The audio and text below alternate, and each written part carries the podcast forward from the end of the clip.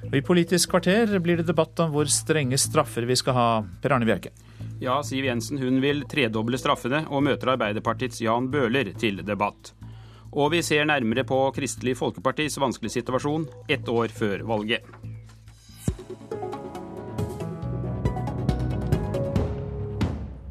Velkommen hit, Siv Jensen.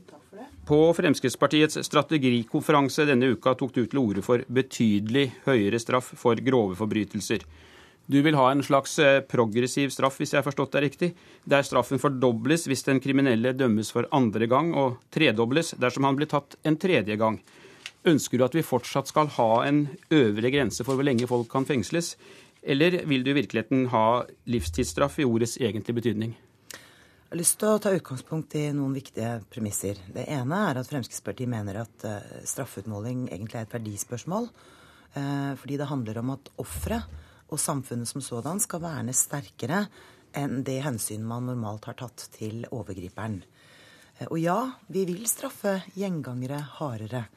Fordi vi mener det bidrar til å i mye større grad forebygge kriminalitet. Burde det minne for godt? Nei, men det er nå engang sånn. altså I dagens system så er det f.eks. sånn at hvis du har begått tre overfallsvoldtekter som er uhyrlige i seg selv, da har du nesten ødelagt livet på tre uskyldige kvinner. Så får du syv års eh, fengsel. Og jeg tror de fleste syns det er uh, uhørt lite. I vårt forslag så vil det medføre 20 års fengsel, som jeg tror er langt mer i tråd med den rettsoppfatningen folk har. Men vil du fortsatt ha en øvre grense, slik jeg spurte om, eller vil du ha livstidsstraff? Nei, vi har gått inn for å ha en øvre grense, men vi har også åpnet for en debatt om livstid. Men da må det være en veldig, veldig alvorlig kriminalitet. Eh, jeg har jo sett at eh, statssekretæren i Forsvarsdepartementet fra Arbeiderpartiet har tatt til orde for det eh, i kjølvannet av den terrorhandlingen vi var vitne til i fjor. Jeg skjønner veldig godt at den debatten kommer opp, men jeg har lyst til å ha fokuset rettet på det som er hverdagen vår, nemlig hverdagskriminaliteten. Overgrepsvoldtekter, hverdagskriminalitet som rammer tusenvis av mennesker hver eneste dag. Da må vi også ha en straffeutmåling eh, og et rettsvesen som praktiserer dagens lov på en sånn måte at straffeutmålingen oppfattes som rimelig skal du få svar med en gang om du får noen støtte for uh, disse synspunktene. For Jan Bøhler, justispolitisk talsmann i Arbeiderpartiet og nestleder i Stortingets justiskomité. Det er jo riktig som Siv Jensen sier, at også ditt parti har vært tatt til orde for strengere straffer. Støtter du Siv Jensen, eller støtter du henne ikke? Det er et litt for enkelt spørsmål. Jeg er veldig for uh, rettferdige straffer for at ofrene føler at de blir tatt på alvor, og for at vi skal ha straffer som gjør at folk ikke får lyst på å begå ny kriminalitet. Og så har vi jo eh, veldig sterke grep når det gjelder å ta de som eh, gjentar alvorlige forbrytelser, hardere. Og der er det jo, eh, Vi har først og fremst forvaring i Norge, hvor de som begår kriminalitet som altså drap, som grov vold, som voldtekt, grove ran og, og flere andre kategorier, kan få forvaring. Og da er det ikke bare tredobling, men da er det forlengelse på ubestemt tid. Altså i prinsippet livet ut, hvis det er fare for samfunnet og fare for gjentakelse. Så og så har vi jo også eh, et system når det gjelder straffe for voldtekt, at ved grove voldtekter og gjentakelsesfare, gjentakelser, så kan man få opptil 21 års strafferamme. Så man kan ikke ta én dom i én sak og si at, uh, si at, det er, at, det er, det, som straffe, det, som er straffen. Man kan få opptil 21 år. Vi har også en generell paragraf i straffeloven, det heter 61, hvor, er, hvor den maksimale straffetida kan fordobles eller fordobles ved, gjentakelse av samme kriminalitet. Så vi har mange grep i straffeloven som gir høyere straffe for gjentagelse. Så det jeg er ute etter, er er mer å se på det som, eh, det som er praksis ved domstolene. For vi har ganske eh, høye strafferammer, og vi skal forhøye noen av dem. Eh, og vi holder på med det. Kan komme tilbake til det. Men det som er praksis ved domstolen, altså straffenivået de legger seg på, det har Stortinget tatt fatt i. Og der er det nå, altså I sommeren 2010 så gikk vi gjennom en rekke alvorlige forbrytelser og, og som, hvor vi mener at straffenivået har mm. ligget for lavt. Og da gikk et samlet storting inn for å øke straffen med eh, opp mot 50 for alt fra vold til Men, eh, overgrep mot barn til voldtekter osv. Så, videre. så nå holder vi jo på å få domstolen til å følge opp det med å øke med 50 Høyesterett har sagt seg enig, og det er under gjennomføring. Men eh, Siv Jensen, er problemet egentlig det at domstolen ikke benytter seg av de strafferammene som de egentlig har mulighet til å benytte? Ja, Det er ett av problemene, og det er også ett av de tiltakene Fremskrittspartiet nå peker på, nemlig at man må få et bedre system for straffeutmåling. For det er jo slik at det man ser i veldig mange straffesaker, er at domstolene legger seg i den nedre grensen av straffeutmålingsmulighetene i stedet for i den øvre. Eh, og det skaper et eh, sånn misforhold mellom det vi som på en måte vanlige folk i samfunnet oppfatter som urimelig, vi må ha straffer som, som, står seg i forhold til den kriminaliteten som blir begått. Så det har Jan Bøhler helt rett i, at det er en viktig debatt. Men så er det jo ikke riktig at vi har tatt utgangspunkt i én sak når vi sier at uh, man kan bare få Hvis du sier at tre voldtekter Nå vil jeg gjerne, nå vil jeg gjerne få lov å fullføre. Jo, det er riktig, men hvis du går gjennom mange av domspremissene for grove overfallsvoldtekter, så er strafferammene fryktelig lave. Mm. Sånn at det er to ting det er to ting i realiteten vi må gjøre. Det ene er det Bøhler sier selv. Nemlig at vi må få domstolene til å legge seg i det øvre sjiktet. Men vi må også se på hvordan vi måler straff. Fremskrittspartiet mener at begår du ett forhold, så skal du få én straff. Begår du et nytt forhold, så skal du få dobbeltstraff. Og begår du det tredje forhold, så skal du få tredobbelt straff. Ikke den formen for strafferabatt som dessverre ligger i dagens system, hvor du egentlig ikke får fullverdig straff når du begår ny alvorlig kriminalitet. Det er urimelig, og det må vi gjøre noe med. Bøller. Ja, altså jeg, Vi er enige om det at straffenivået, det som man i praksis får, skal økes. og Det har Stortinget eh, vedtatt. og Så er det en forsinkelse ved domstolen, ikke sant? for saker skal etterforskes, retteføres. Så dette er under eh, gjennomføring nå. Høyesterett har sagt at de vil øke med så mye vi har sagt at de skal. Og da vil straffene, eh, f.eks. For, for voldtekter, de skal komme oppover. Og det har, vi, har Stortinget fastslått at domstolene må gjøre. Vi kan ikke bestemme det i hver enkelt sak, men vi kan bestemme at straffenivået skal opp. Og så kan vi også eh, gå videre og, og, forbedre strafferammene, øke strafferammene på ulike bestemte felter. Sånn som vi f.eks. nå gjør når det gjelder organisert kriminalitet, hvor det som kalles mafiaparagrafen, som gir dobbelte straffer, nå skal gjelde for langt flere typer organisert kriminalitet enn tidligere. Så vi gjør viktige ting her på, eh, på mange ja. punkter. Så jeg, synes, jeg savner litt spesifikke ting fra Siv Jensen. Ja, det, skal, det, det skal jeg gjerne Da vi reviderte, da vi reviderte. Tredobling er litt Nå får Siv Jensen ordet. Ja, da vi reviderte straffeloven i 2005 og 2009, så er det riktig at man gikk inn for en generell økning av strafferammene med inntil en tredjedel. Det går i riktig retning, men det er ikke nok. Og til tross for det, så er det altså et sånt datakaos som gjør at man ikke kan implementere dette for annet enn noen ytterst få. Det sier jo litt om hvilken sendrektighet det er.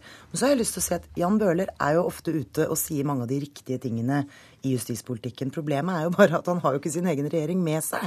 Sånn at det står, det står, ikke, til, det står ikke til troende, Jan Bøhler, når du ofte er ute og sier at du ønsker strengere straffer, når regjeringen din ikke følger opp med eh, forslag til lovendringer som faktisk harmonerer med virkeligheten. Vi er nødt til å få strafferammene opp. Vi er nødt til å skjerpe inn sånn at grov vold, overgrep mot uskyldige mennesker blir straffet hardere.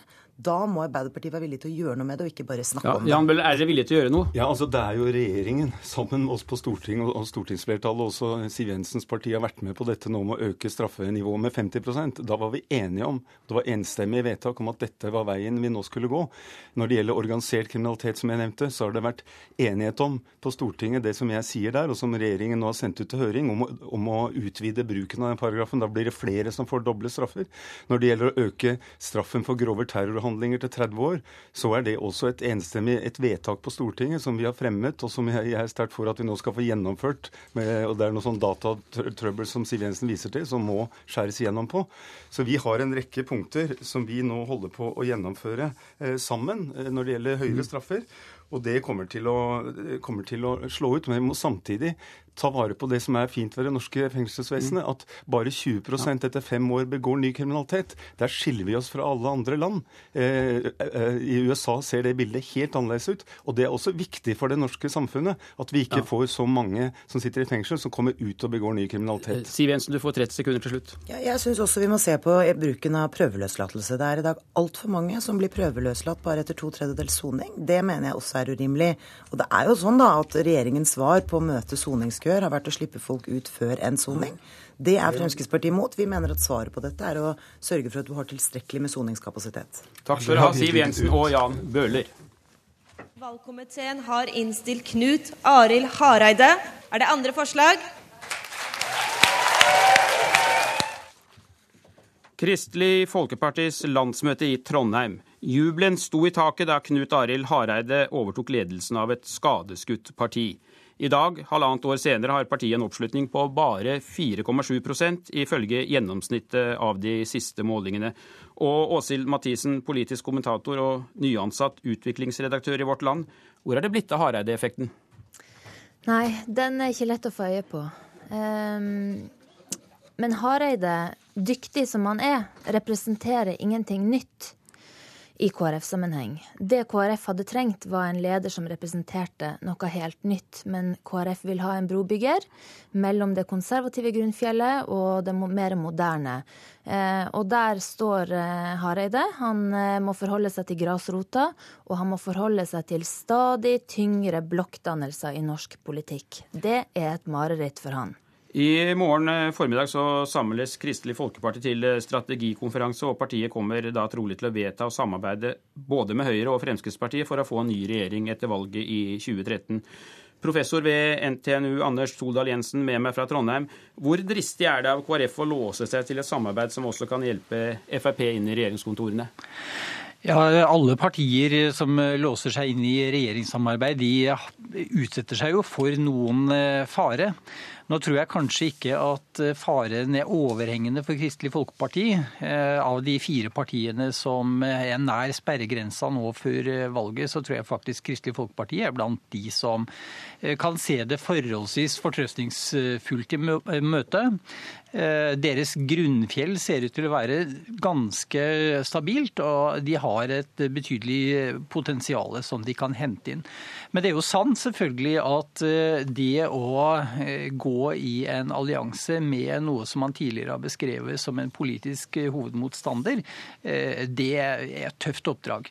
Men får Kristelig Folkeparti en vetorett i viktige saker for dem, som alkoholpolitikken, som utviklingshjelp, eh, så er det klart eh, at de kan se seg tjent med å gå inn i en regjering også med Frp. Du kjenner partiet godt, Åshild Mathisen, bl.a. som politisk rådgiver i Bondevik-regjeringen. og er dette samarbeidet med både Fremskrittspartiet og Høyre Hareides frie valg, eller er han blitt presset av partiets konservative fløy til å gå mot Høyre? Altså, Han blir nok pressa både av eh, grunnfjellet og av eh, de politiske tyngdelovene. Fordi det som Hareide ønsker, er et mer folkelig parti. Eh, det er et parti som da kan eh, vinne velgere på, eh, på, sosialpolitikken sin, på klimapolitikken sin, på distriktspolitikken sin. Altså alt som blir vanskelig i en sånn regjering. Og må minne om at i 2003, etter et elendig valg, så oppretta KrF en havarikommisjon som sa nettopp at dette Høyre-samarbeidet var det som hadde vært umulig for KrF. Partiet kan ikke fornye seg hvis man bare klarer å fokusere på noen smale hjertesaker som man får gjennomslag for med Frp. Og det er nesten ikke til å tro når eh, Hareide i Dagbladet i dag ser ut til å åpne for å sitte i regjering med Fremskrittspartiet. fordi han han ønsker å fornye KrF eh, og vise velgerne at dette er et parti som står for noen eh, folkelige saker. Eh, et parti som er opptatt av, som har en sosialpolitikk og en klimapolitikk og en økonomisk politikk som mange kan Eh, relatere seg til. Eh, så for meg er det umulig å se at det er en sammenheng mellom dette prosjektet og et fornyerprosjekt. Ja. Men for KrF nå er selvfølgelig alt bedre enn skyggenes dal. Det er det, det, det, jeg tror eh, som skaper denne dynamikken. Eh, Todal Jensen, nesten ikke til å tro, sier Åsle Mathisen om eh, Hareides uttalelser om samarbeid med Frp i regjering også. Men hvis Du var inne på at ikke KrF løp noen risiko, men er det ikke en fare for at partiet kan bli slukt av Høyre dersom partiet nå peker på Erna Solberg som statsminister? Vi ser jo også overganger mellom KrF og Høyre hele tiden. Ja da, det er en helt klar eh, fare. Men jeg tror at det problemet blir akutt etter at jeg har gått inn i regjering. Jeg har lyst til å minne på eh, også alle om at Kristelig Folkeparti var på en måte garantisten for velferdsstaten på borgerlig side. Det er en profil som eh, forsvant mye godt under Bondevik II-regjeringa, og det tror jeg partiet blør for i dag. Eh, nå har vi altså sett at skiftet fra Høybråten til Hareide ikke har hatt noen innvirkning på oppslutningen om KrF. Hva er det partiet trenger, Åshild Mathisen? Altså, partiet trenger et uh, grunnleggende oppgjør med seg sjøl. Hva er KrF? Uh, under Valgjerd Svarstad Haugland så hadde man en ideologisk uh, oppbygning. Man prøvde å finne ut hva er et kristendemokratisk parti. Partiet må kikke på seg sjøl, finne ut hva man er, og så tenke på makt etterpå. jeg har oppfatta Hareide sånn at det han egentlig ville, var å være på Stortinget, bygge opp KrF igjen. Men nå har tyngdelovene tatt han. Nå er makt det eneste måten å overleve på. Todal Jensen, veldig kort til slutt. Hva mener du partiet trenger? Jeg tror de trenger en eh, lederduo. Hareide trenger en eh, sterk kvinnelig nestleder, en breddeholder i partiet. Og de trenger å vinne tilbake troverdighet i sosialpolitikken. Ja. Og Der må jeg si takk til, eh, takk til dere to og KrF-leder Knut Arild Hareide. Han er gjest i Politisk kvarter i morgen. Og det var Politisk kvarter torsdag. Jeg heter Per Arne Bjerke.